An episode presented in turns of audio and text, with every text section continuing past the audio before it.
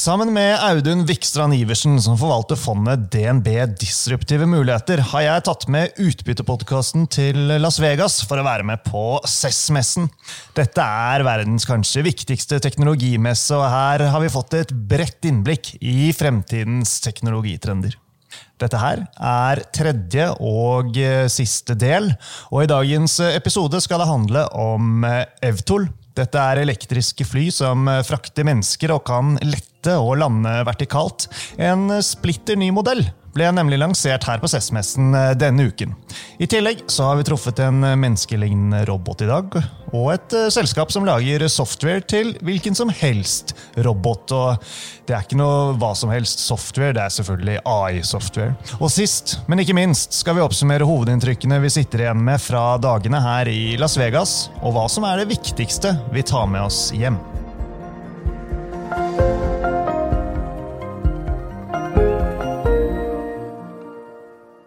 Velkommen til Utbytte, DNB-podkasten der vi forklarer hva som skjer i den globale økonomien og finansmarkedene. Jeg er Marius Brun Haugen, og med meg har jeg fortsatt Audun. og Vi er tilbake på hotellrommet etter nok en begivenhetsrigg dag. og Du holder koken, Audun. Det har jo vært tre dager med konferanser, møter med selskaper og masse inntrykk, så vi begynner jo å bli mette, men vi kan ikke klage. Vi har fått mange glimt av fremtiden, og det ser unektelig spennende ut. Ja, nei, Dette er fortsatt kjempegøy, selv om uh, du er inne på det. Vi, vi, merker jo denne messemaratonen som vi har vært igjennom, men uh, det er jo utrolig gøy å få lov til å være med på. I dag så tok vi ikke taxi fra hotellet til konferansen, men vi kjørte Las Vegas Loop. Dette her er Teslaer som går i en liten tunnel, som på ingen måte er en ordentlig vei. Men det er mer som et rør med plass til én bil i under bakken. Og det var artig. Og ikke minst så var det jo deilig Audun, å slippe all trafikken som er her. Ja, og det, og det er, jo, er, jo, en by som er fullt av biler. Og, vi, hadde det vært litt bedre fortau, så hadde vi vel kanskje gått til noen av disse stedene. For det er ikke så veldig langt i distanse. Så Den løsningen som de da har lagd, er jo å bygge disse tunnelene under veien. Og så har vi da vært, og, som du var inne på med disse elektriske helikoptrene, disse Evtol. De har jo den samme konseptet, men da skal man bruke luften uh, og flytte mennesker og varer uh, gjennom luften istedenfor på veien og, og, i disse tunnelene. Så, så, poenget er vel bare at uh, den vanlige trafikken fort kan bli litt distruptert her i Vegas i løpet av de neste årene. Ja, og ikke bare her i Vegas, men mange andre steder også. Dette med Evtol det er jo ikke et nytt tema for verken deg eller meg eller de trofaste lytterne våre, for dette har vi snakket om og sett nærmere på flere ganger allerede. Men det er i ferd med å skje, det fikk vi nok en bekreftelse på i dag. For endelig fikk vi sett nærmere på denne splitter nye Evtolen fra det sørkoreanske selskapet Supernal, som er eiet av Hundai Motor Group. Ja, og, det, og det, det, var jo litt gøy å få sett den, fordi vi prøvde her om dagen, men da var det så stor interesse, og, så vi, vi slapp ikke helt til. Så vi tenkte at da, da venter vi litt med den. Ble du imponert? Ja, jeg ble veldig imponert. Likte du det du så?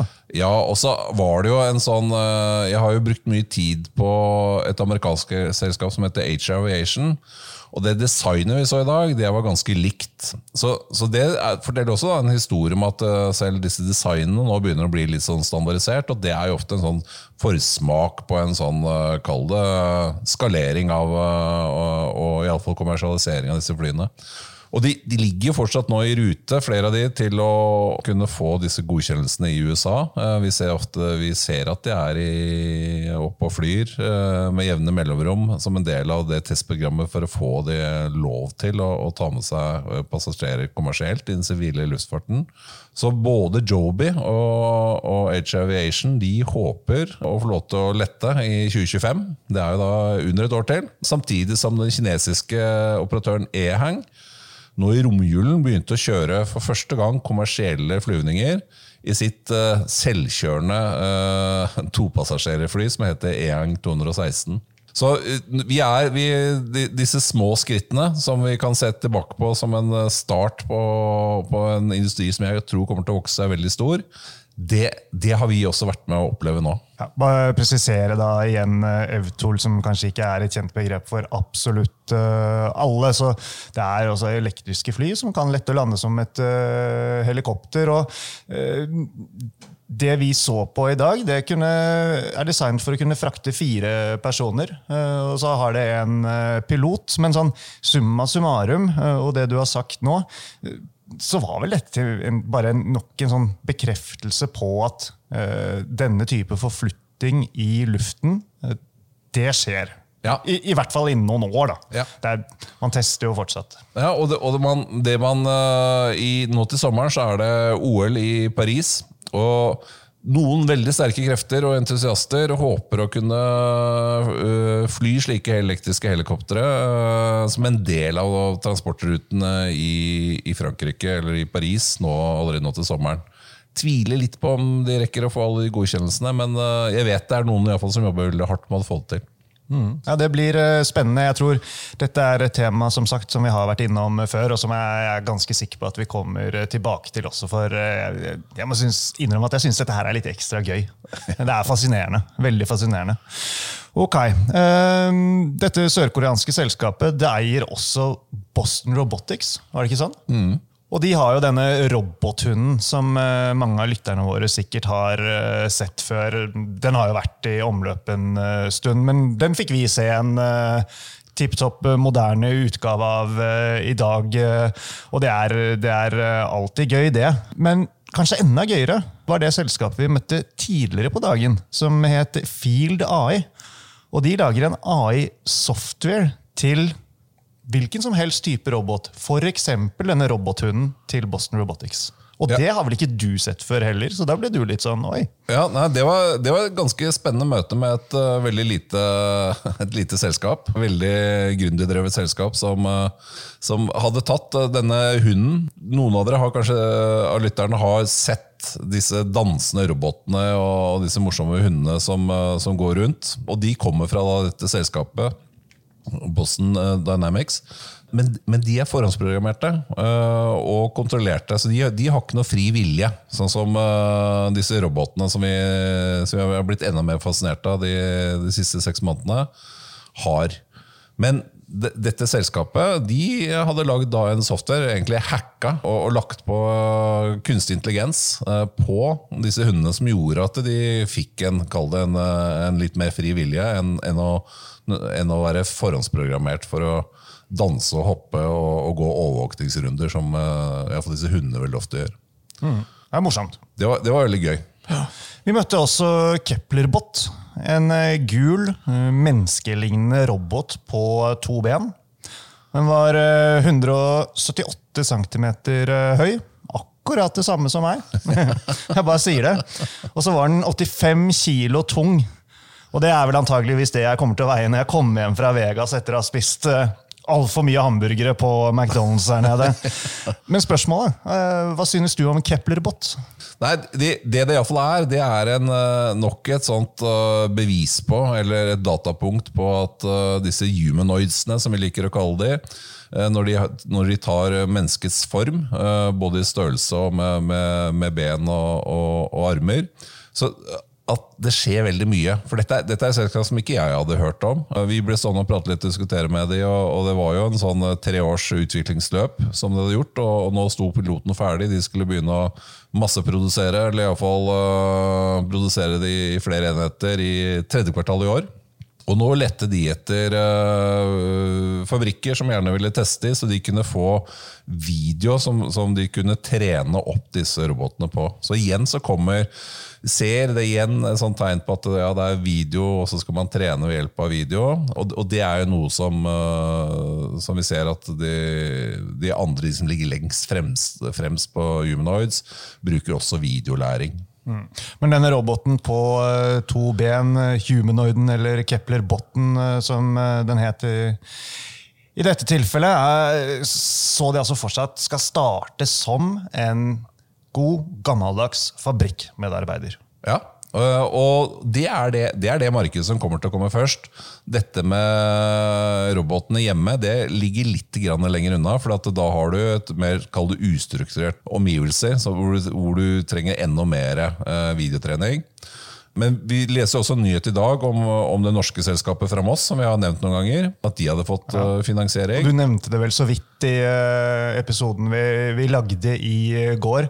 Så derfor så satte vi vel begge øynene litt sånn ekstra opp når vi leste nyheten om at dette selskapet fra Moss har fått på plass ny finansiering, som du sier. Ja, og, og har vel blitt nå et mer amerikansk selskap enn en kanskje norsk selskap. Men deres hovedprodukter er mer en sånn type hjemmehjelp. Uh, en som kan hjelpe til hjemme og, og være en, en, avlaster der.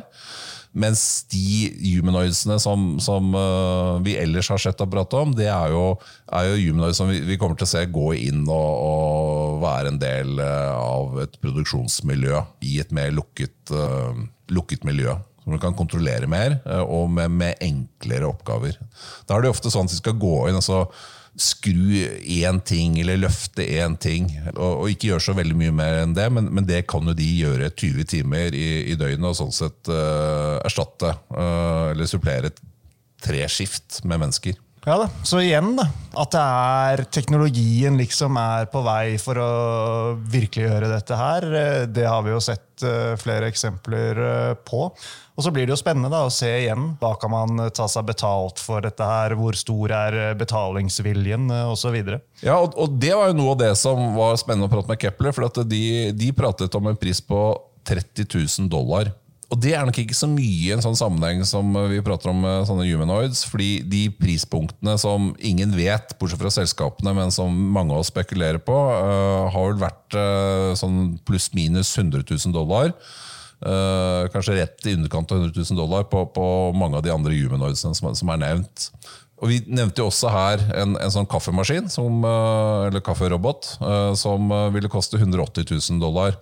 Så 30 000 dollar, den, eh, det, var veldig, det, var, det, var veldig, rimelig i forhold til uh, de andre prispunktene som, uh, som, jeg har i hodet mitt. i alle fall. Mm, absolutt. Ok. Det nærmer seg jo unektelig hjemreise for oss, Audun. Så det er jo på sin plass med en liten oppsummering, er det ikke det?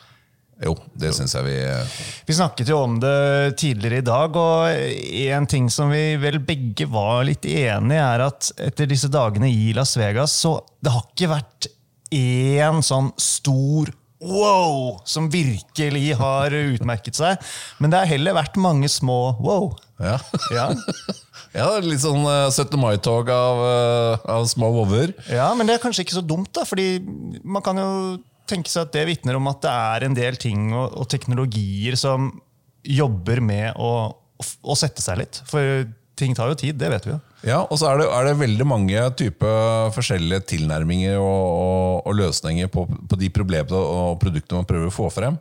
Så vi, det, er et mangfold av mange små vover uh, som prøver å angripe f.eks. selvkjørenhet, som, som, uh, som, nok er det, det største temaet som, som, jeg tar meg hjem i fall herfra. Uh, hvor, hvor, mange som jobber med å flytte en, når du skal flytte en ting fra A til B, og, og gjøre det ved hjelp av at du får høyere og høyere grad av selvkjørenhet. Og, og, og, det var veldig mange ulike initiativer på veldig mange ulike produktgrupper som gjør at du du tenker ok, dette her kom, kommer iallfall noen til å lande på en veldig sånn god måte. Mm. Tematikker rundt uh, bærekraft og ESG som liksom var på alles lepper for uh, noen år uh, tilbake. Det har omtrent vært fraværende her nede. Det har vi nesten ikke sett noen ting til. Alt har egentlig dreid seg om AI på en eller annen måte da. Altså, slagordet utenpå eh, inngangen til denne gigantiske konferansehallen, det var jo også AI for all.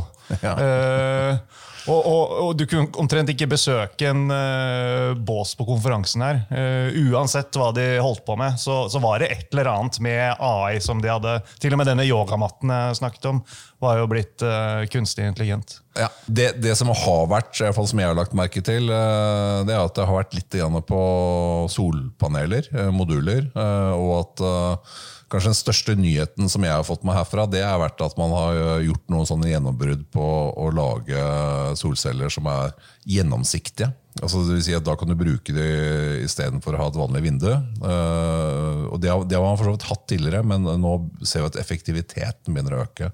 Så du, du, du produserer mer energi. Så, så det er nok et sånn spennende produkt, men, men utover det så er det veldig lite som jeg har fanget opp av kall det sånne grønne ting. Um, så, så, så det, nok, uh, det var nok betydelig mer populært for, for et par år siden. På skjermfronten så virker det jo som det har, skjer eh, mye ting, mye kule ting. Eh, vi snakket om denne gjennomsiktige mikroledd-skjermen som ble lansert, eh, blant annet. Men nå har ikke vi fordypet oss inn i, i dette her, men der har det også vært mye til, på messen. Altså, det har vært mye rundt sånn tech i hjemmet. Det har også vært mye rundt nye elbiler i ulike varianter som har blitt presentert. Men, men det har vi ikke, ikke ikke brukt så mye tid på da, denne gangen. Nei, vi var jo så på Samsung sin uh, transparente TV, og det, det, var jo veldig fascinerende. Ja, det var superstilig. Og den, uh, den, er, den, er, beskrevet da som uh, en sånn, et, et, produkt som man viser frem, men som man ikke har noen sånn klar produksjonsplan på. Mens deres konkurrent LG de de eh, viser også frem sin variant av en, eh, av en gjennomsiktig skjerm, og, og, og, deres produkt kommer i Q3. Mm. Men hva er det vi ikke har fått så mye om, da, som vi kanskje hadde trodd og håpet at vi skulle få lære litt mer om? Nei, det, det som vi, vi, var jo i dag også innom denne hallen som uh, hadde alle de som holdt på med 3D-printing.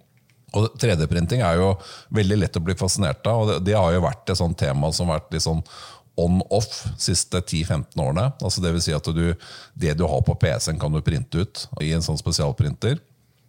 Der var det veldig lite, og det, det, og det, var så lite at det overrasket meg litt. Eh, for, der jeg at det, for det har skjedd en del i industrien der. Der prøver man, der jobber man fortsatt, fortsatt Når det gjelder 3D-printing, så er man jo veldig på å lage prototyper og tenner og, og sånne type ting. De har ikke klart overgangen til å masseprodusere. Så det er vel kanskje det vi fortsatt venter på. For, eh, så, så det, jeg var, men jeg var likevel ganske overrasket over det. Og så har jeg vært litt overrasket over hvor lite um, metaverse det var. Altså hvor, Med disse rare brillene og sånn. Særlig på, på at Apple Vision kommer med sin løsning nå 1.2. Uh, så jeg tenkte at det kom til å være litt mer på, på den siden av både gamingen, men også på, på utstyrssiden. Hvis det var, så klarte iallfall ikke vi å lokalisere det, så da, da kan det ikke ha vært veldig mye av det. Men, uh, men det vi så, det, det syns jeg var ganske Ikke begredelig, men det, det var ikke så spennende. Mm. Og så eh, er det jo noen norske selskaper her. Eh, vi har vært på stendene til Airtings, Airthings, til Nordic Semiconductor og Explora. Det er også flere norske selskaper som er her uten stand, men er med på messelivet. vi møtte jo Laila Danielsen i går fra Elliptic Labs, som vi har laget en podkastepisode med tidligere. og hun var uh, travel, hun.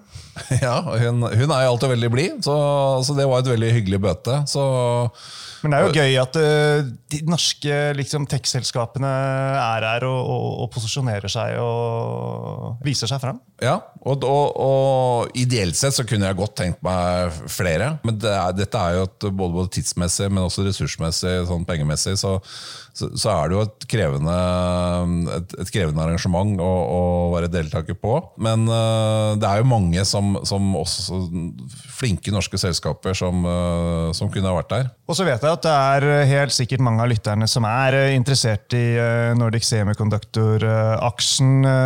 de har jo vært der, som jeg sa. Flere av de andre chipselskapene er også til stede her, så det er jo også et sånt tema på konferansen. vi reiser på tur med en veldig hyggelig gruppe hvor det er mange som er veldig gode på akkurat akkurat uh, dette her. Så uh, jeg tror vi skal vente med uh, oppdatering akkurat på det området her i podkasten til analytikerne våre har kommet ut med, med sine oppdateringer. Tror jeg tror det er greit, Jo, det er veldig lurt. For de kan dette her, kan dette her bra. Men hvis du skal trekke fram én ting, hva har vært, hva har vært aller kuleste øyeblikket på, på messen for deg? Nei, Jeg, jeg syns jo denne som vi begynte med her nå, med å se på en sånn uh, Evtol, denne, dette elektriske helikopteret, det, jeg syns jo det er, eh, er veldig gøyalt. Og så er det jo også å kunne sette seg inn i, i denne SUK-bilen, denne selvkjørende bilen som uh, sitter og sett på i, i, mange år. Sette seg inn i den og, ved siden av en veldig hyggelig kollega. Og kunne få følelsen på hvor stor er den egentlig? Eller, hvor eller den var jo egentlig mindre enn det jeg trodde. Så å vite at den skal begynne å trille rundt uh, på, på amerik noen amerikanske veier, er jo også veldig morsomt. Og så igjen trekke frem én ting når det gjelder disse selvkjørende, så, så, så, er det tilbake igjen å stå og prate med den veldig hyggelige mannen fra, fra Kodiak, eh, som, eh, som, skal begynne å kjøre selvkjørende trucker i fjerde kvartal mm. eh, i år. Eh, og var veldig komfortabel på den. Å stå og se på den maskinen, få en gjennomgang på, på de ulike delkomponentene på det LiDAR-systemet det, det, for meg var det, var det, veldig morsomt og lærerikt, fordi det står der og 'seeing is believing'. Ja.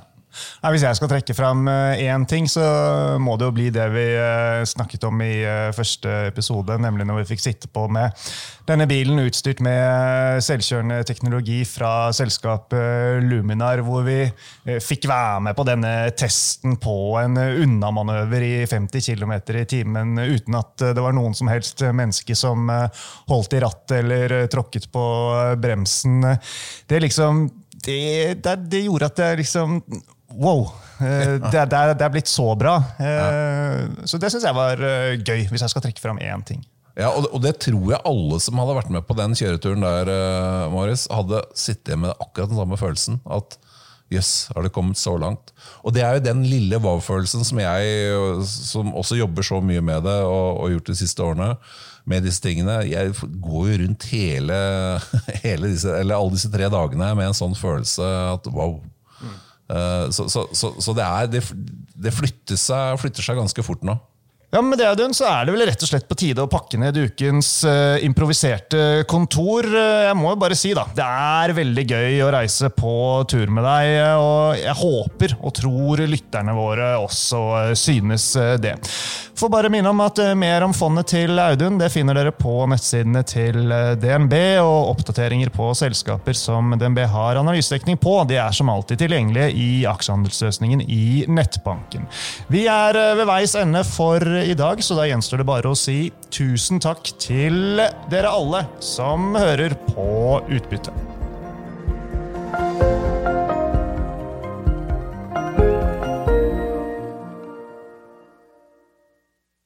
Denne sendingen ble publisert i podkasten Utbytte.